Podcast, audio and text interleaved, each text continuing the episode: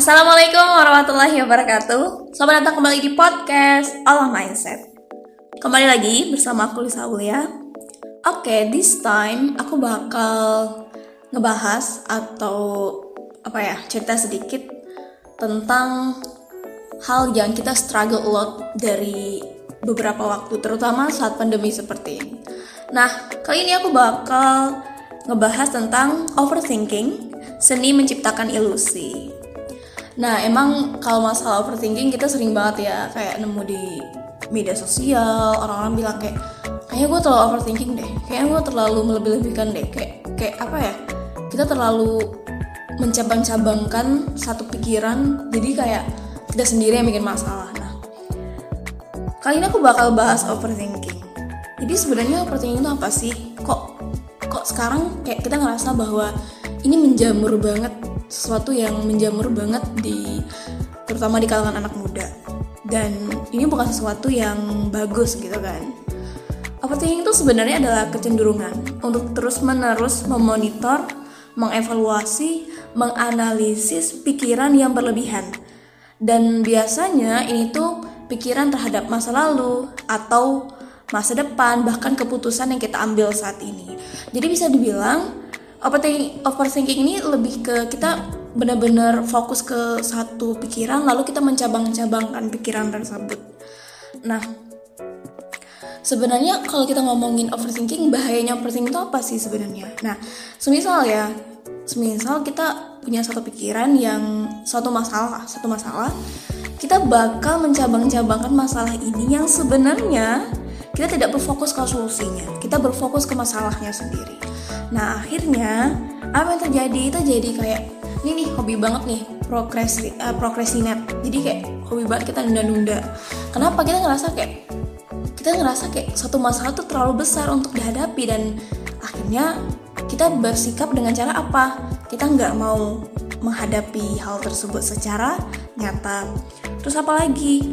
Nah, yang sering terjadi itu gangguan tidur. Gangguan tidur ini nggak cuma insomnia, tapi juga oversleep. Oversleep ya kebanyakan tidur. Nah, emang bisa di, sering dibilang ya bahwa orang yang terlalu stres, kebanyakan dari mereka itu pasti ujung-ujungnya kebanyakan tidur, benar-benar ngerasa kayak capek, lelah, bener-bener nggak sanggup lagi bener-bener nggak punya motivasi akhirnya ya udah tidur tidur tidur aja atau karena terlalu banyak pikiran akhirnya nggak bisa tidur. Fokus banget otak kita berpikir ke satu masalah tersebut. Nggak bisa lagi kita menenangkan diri dan mencoba untuk beristirahat. Nah terus sebenarnya kalau tanda-tanda orang yang overthinking itu seperti apa sih sebenarnya? Nah dari apa yang aku pelajari sebenarnya tanda-tandanya itu hal-hal yang sering kita alami sih sebenarnya. Jadi ada lima tanda-tanda saat kita sedang mengalami overthinking. Apa aja? Yang pertama cemas terus-menerus terhadap hal-hal yang tidak bisa kita kontrol. Nah ini sih ini sering banget kan terjadi kayak ketika kita berbuat sesuatu atau misal kayak kita ngelakuin hal yang mungkin salah lalu ya udah pikiran kita ke mana-mana. Kita punya satu masalah terus kita mencabang-cabangkan masalah tersebut kayak wah jangan-jangan kalau kalau aku tadi berbuat kayak gitu orang-orang mikir aku kayak gini. Orang-orang nggak bakal mau lagi deket sama aku. Orang-orang bakal kayak memandang aku dengan hal seperti ini. Jadi kita udah mencabang-cabangkan satu masalah ini ke banyak hal lain yang sebenarnya nggak bisa kita kontrol. Nah terus lagi apa lagi sih? Banyak banget hal-hal yang nggak bisa kita kontrol di dunia ini. Dan sering banget kita terjebak di sini. Dan kita tidak bisa menafikan kita kan seorang manusia ya kita ingin dicintai kita ingin disayang kayak gitu kan. Kita ingin disukai. Tapi terkadang sering banget kita terlalu terlalu melarutkan diri di situ. Jadi ketika kita merasa bahwa wah kok foto aku nggak di like banyak orang ya? Jangan-jangan foto ini dianggap jelek sama orang. Jangan-jangan tempatnya nggak bagus. Jangan-jangan orang pikir aku malah sombong. Jadi banyak banget pikiran-pikiran lain yang muncul akibat satu tindakan yang sebenarnya jangan-jangan itu bukan sebuah masalah. Terus yang kedua, terus menerus mengingat kesalahan diri yang tadi. Kayak misal, kayak misal kemarin aku ternyata nggak dapet nilai bagus. Terus aku mikir, ah ini gara-gara aku nggak belajar tekun. Terus ah ini tuh kayaknya gara-gara aku terlalu banyak ini. Aduh kayaknya ini tuh karena aku terlalu ini ini nih karena aku terlalu ini ini jadi kita fokus banget ke kesalahan itu kita fokus banget kayak kayaknya aku kemarin tuh terlalu ini deh kayaknya kemarin aku terlalu ini jadi kita fokus banget ke kesalahannya bukan solusinya. Terus yang ketiga berpikir. Terlalu sering berpikir what if. Secara terus menerus misal kayak kemarin aku baru udah dapet nilai jelek. Terus aku mikir kayak gini coba kalau kemarin itu aku lebih banyak belajar. Coba kemarin kalau kalau aku lebih ini lagi lebih lebih berusaha lagi konsentrasinya. Coba kalau kemarin aku pokoknya banyak banget what if nya coba kalau kemarin coba coba coba. Jika jika jika. Jadi kita tuh berandai-andai. Kita kayak flashback baik lagi ke masa lampau. Kita pengen memperbaiki itu dengan kata jika. Dengan kata coba kalau kemarin aku kayak gitu. Coba kemarin kalau kalau aku ngelakuin hal itu. Coba kemarin aku memutuskan hal itu. Coba kemarin aku memilih hal A dibanding B. Pasti semuanya bakal jauh lebih baik.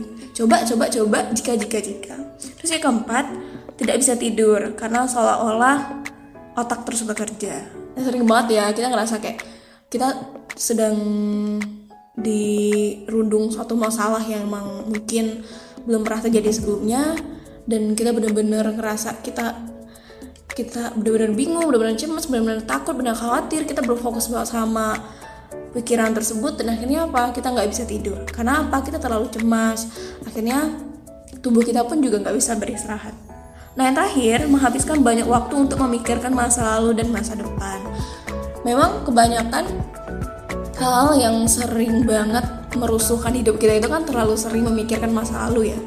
Terutama kayak, aduh coba ya dulu aku tuh seperti ini coba ya dulu aku tuh seperti ini coba ya misal kayak apalagi teman-teman yang sekarang ya mungkin baru udah eh udah lama SB ya kayak misal teman-teman yang belum lolos ke universitas apa uh, universitas terbaik lah di Indonesia atau universitas impiannya terus ya udah gitu. Kayak mengandaikan masa lalu kayak menyesalinya berlarut-larut terus mikir kayak aduh apa sih? gitu. Coba kalau misalnya tahun kemarin aku bisa lolos di universitas ini.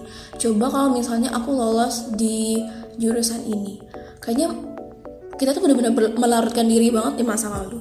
Atau kita terlalu berpikir keras atau terlalu mencemaskan masa depan. Kayak semisal aduh kalau pandemi terus kayak gini gimana ya masa depan aku? Misal aku kayak aduh wisudanya kayak gimana? Terus aku mau ngerjain skripsi di saat pandemi kayak gini kayak gimana? Atau aduh gimana ya nanti aku cari pekerjaan di saat pandemi magang dan sebagainya. Kayak tuh kayak nggak mungkin ya. Terus kayak gimana ya aku mau hidup nanti? Jadi kayak kita terlalu mencemaskan dua hal ini masa lalu dan masa depan. Dan emang ada salah satu buku yang menurutku juga worth it banget untuk kalian baca buku dari Ichiro Kishimi dan Fumitake Koga itu ada dua buku pertama the uh, the The Courage to be Disliked sama The Courage to be Happy. Ini dua buku ini keren banget dan dua buku ini sering banget menekankan ke pembaca bahwa cukup fokuskan diri kamu terhadap the present, terhadap kehidupan yang sekarang. Perbaiki diri kamu, uh, lakukan segala hal terbaik yang kamu lakukan saat ini. Gak usah pedulikan masa lalu, gak usah terlalu mencemaskan masa depan. Karena kalau kamu benar-benar prepare segala hal di saat ini dengan baik, dan melakukan hal dengan baik di masa ini kamu gak bakal deh di masa depan kamu bakal kecewa gitu. kamu gak bakal kecewa terhadap masa depan nah di situ fokusnya ke masa ini kalau kamu terlalu memposisikan masa depan dan masa lalu masa lalu yang sudah terjadi dan kamu tidak bisa kembali masa depan yang belum terjadi dan tidak bisa kamu kamu kontrol itu yang bakal bikin kamu sendiri pusing dan kelabakan terus tadi terjerat masa lalu dan masa depan, terlalu cemas terhadap masa depan dan personal distress. Overthinking ini memang tadi ya, udah aku bilang, kayak biasa kita kita punya masalah, kita sedang dirundung atau sedang terjebak dalam satu masalah, ya udah kita fokus ke masalah itu, bukan solusinya. Nah ini ini yang membuat membuat over, membuat kita tuh jauh lebih kesulitan dalam mengurai masalah-masalah tersebut karena apa? kita berfokus ke masalahnya. Semakin kita berfokus ke masalahnya, semakin banyak masalah yang akan terjadi. Padahal jangan-jangan overthinking itu pikiran yang terlalu bercabang-cabang tadi itu cuma ilusi kita aja loh. Cuma ada di pikiran kita aja. Cuman kita aja yang menciptakannya. Padahal sebenarnya kejadian dan kenyataannya tidak separah dan seburuk itu. Nah terus kayak gimana sih sebenarnya untuk bisa mengatasi overthinking? Ada beberapa hal yang ada beberapa hal step langkah yang bisa kita lakuin untuk bisa mengatasi overthinking. Dan menurutku juga langkah-langkah ini juga cukup sederhana dan harus banget dipraktekkan. Apa aja itu? Pertama, coba deh pahamin pahamin dulu identifikasi dulu masalahmu. Misal kayak oh masalah aku tuh ini loh. Kenapa sih masalahnya bisa terjadi? Penyebabnya apa? Terus gimana ya cara aku menyelesaikannya? Nah, kalau kita sudah mengidentifikasikannya secara mendetail, kita bakal tahu nih masalah ini apa penyebabnya dan lain sebagainya. Terus yang kedua, coba deh kita berfokusnya ke strategi menyelesaikan masalah. Misal tadi ada masalah. Oh kalau masalahnya kayak gini tadi udah kita identifikasi ya. Oh ternyata penyebabnya kayak gini. Ya udah penyelesaiannya seperti ini. Ketika kita berfokus terhadap solusi kita bakal melihat bahwa masalah ini tidak sebesar yang yang kita pikirkan. Dan masalah ini ternyata bisa loh diselesaikan. Dan pastinya kalau misalnya kita sedang dirundung satu masalah Jangan menghindar, jangan menunda-nunda menyelesaikan masalah tersebut. Secepat mungkin, cobalah cari solusi, karena ini yang bakal menyelesaikan masalah kamu. Mungkin terkadang kita ngerasa bahwa apa ya, kita terlalu terlalu berfokus ke masalah tersebut, kita pengen menghindar, kayak pengen pengen gak pengen dulu gitu ngadepin masalah. Ya udah take your time, istirahat dulu, menenangkan diri dulu dan please jangan ditunda-tunda untuk menyelesaikan masalahnya langsung kalau bisa segera selesaikan masalahnya. Karena itu adalah satu-satunya jawaban agar overthinking ini tuh bisa hilang dari pikiran kita. Terus yang ketiga harus banget kita menjaga pikiran kita atau apa yang mengkontrol pikiran kita. Karena apa? Pikiran akan mempengaruhi perasaan. Perasaan akan mempengaruhi perilaku. Misal ya aku mikir negatif. Kayak oh kalau kalau masalah ini tuh kayaknya aku bakal gini-gini bakal gini-gini dengan begitu banyak cabangnya. Misal kayak wah kayaknya kalau kalau misalnya skripsian online kayak gini aku nggak bakal bisa fokus deh. Kayaknya terlalu terlalu mumet deh. Kayak saat pandemi kayak gini banyak banget masalah di Indonesia juga. Belum lagi omnibus law ya sekarang yang ya yang sedang mengindikasikan betapa kejamnya pemerintah kita DPR terhadap rakyatnya sendiri. Belum lagi isu-isu lain isu juga menteri kesehatan yang kurang terlalu peduli dan agak lamban menangani pandemi corona di Indonesia. Terus kita udah mikir kayak yaudah sih gitu. Kayaknya aku nggak bakal bisa nyelesain skripsi aku deh dalam waktu dekat. Kan sekarang juga lagi pandemi nih dan overthinking lain banyak lainnya dan ngerasa bahwa ya udah gitu. Kita terlalu mencemaskan banyak hal. Terus akhirnya tindakan kita apa? Tadi mempengaruhi dari pikiran mempengaruhi perasaan. Perasaan kita negatif. Jadi kita males nggak skripsi. Kita kayak nek kayak muak kayak kayak nggak mungkin bisa menyelesaikannya dan tindakan kita apa? Akhirnya ujung-ujungnya kita nggak mau ngerjain skripsi. Kita nggak skripsi itu kita kayak ah nggak nggak mungkin selesai. Ah nggak mungkin selesai. Kayak mumet banget gitu.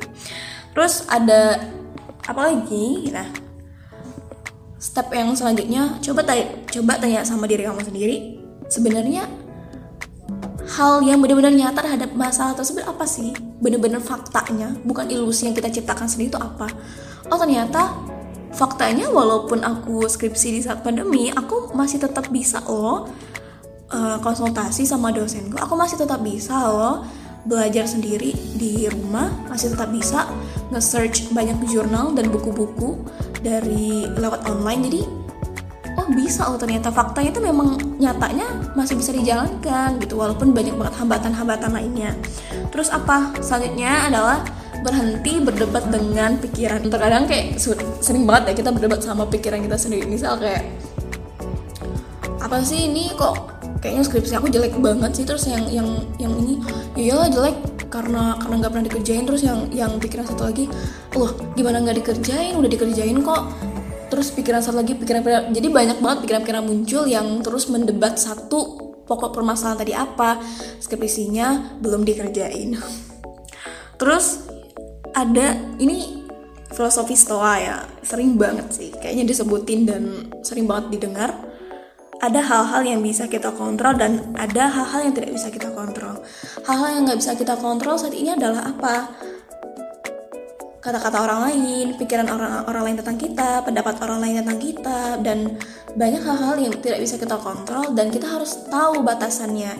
Kalau kita merasa kita tidak bisa mengkontrol itu fokusnya terhadap hal yang bisa kita kontrol. Apa aja sih hal yang bisa kita kontrol? Nah ini nih kayak produktivitas, meningkatkan meningkatkan percaya diri, meningkatkan hal-hal positif dalam hidup kita. Terus kita juga bisa menciptakan lingkungan positif, baca buku, belajar, menulis dan lain sebagainya. Ini kan suatu hal yang bisa kita kontrol.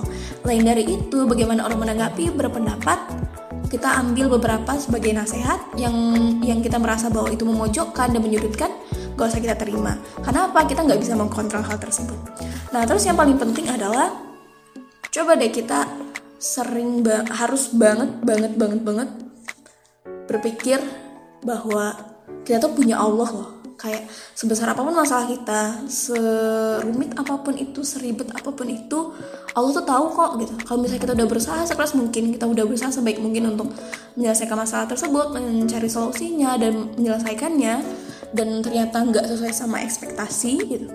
Percaya deh Allah tuh lebih tahu kok. Dan terkadang ini sih seringnya karena kita sekarang berada di dunia yang kita merasa sangat bisa melakukan banyak hal sendiri kita jadi lupa bahwa sebenarnya kita punya Allah loh dalam berbagai hal dalam hidup kita kita harusnya mengandalkan semua itu sama Allah. Dan tadi jangan lupa kita juga masih harus berusaha dulu berusaha sebaik mungkin untuk bisa menyelesaikan masalah kita. Dan sisanya biarkan Allah yang yang melanjutkan. Nah itu kenapa penting banget sih aku sering banget kayak kalau misalnya kayak aku lagi benar-benar stres banget ya overthinking mulai muncul gitu terhadap masalah yang aku rasa kayak terlalu berat untuk aku selesaikan aku langsung kayak mikir apa ya solusinya? Apa ya solusinya saat ini? Ya udah gitu. Tenangkan diri dulu coba cari kajian-kajian gitu atau mencoba baca Quran. Kalau aku sih sangat merekomendasikan kajian dari Ustaz Hanan Ataki sama Ustadz Roman Ali Khan itu bener-bener bagus banget bikin tenang dan dan mostly aku ngerasa bahwa kita diarahkan gitu diarahkan untuk mencari solusi tersebut kita ditenangkan terus kita diarahkan nanti jangan lupa loh Allah tuh selalu melihat kita selalu ngawasin selalu tahu apa yang sedang kita rasakan kita pikirkan dan hal itu sebenarnya udah jadi jaminan bahwa kita bisa kok hidup lebih baik nah tadi yang udah aku jelasin bahwa overthinking tuh sering banget menciptakan ilusi. Kenapa? Karena banyak sekali dari apa yang kita pikirkan itu tidak terjadi secara nyata. Iya nggak sih? Jadi kita aja yang melebih-lebihkan, kita aja yang kayak ini ini ini ini ini ini itu itu itu mencabang-cabangkannya. Padahal nyatanya tidak serumit itu, sesimpel itu banget. Dan overthinking adalah seni menciptakan masalah yang tidak pernah ada. Jadi yuk kita mulai membangun pribadi yang terus nih berusaha mencari solusi dalam setiap masalah karena masalah itu adalah bukti bahwa kita adalah manusia ya kan? Kita hidup kita bernafas. Selama kita bernafas selama itulah akan selalu datang masalah-masalah itu. Nah bagaimana sih kita bisa deal with it coping with it? Tadi kita harus bisa fokus ke, ke solusinya. Tenangkan diri cari solusi identifikasi masalahnya ada apa penyebabnya apa dan lain sebagainya. Dan jangan menunda-nunda dan menghindar dari masalah tersebut. Semakin jauh kita menghindar semakin lama kita menghindar semakin besar masalah tersebut. Karena apa? Overthinking itu akan semakin menyebar di kepala kita dan apa kita ketahui itu sudah menggerogoti perasaan hingga perilaku kita Selamat beraktivitas bagi teman-teman semua. Terima kasih sudah mendengarkan episode kali ini. Overthinking, seni menciptakan ilusi. Semoga kalian mendapatkan sesuatu dari episode kali ini ya. See you on the next episode. Wassalamualaikum warahmatullahi wabarakatuh.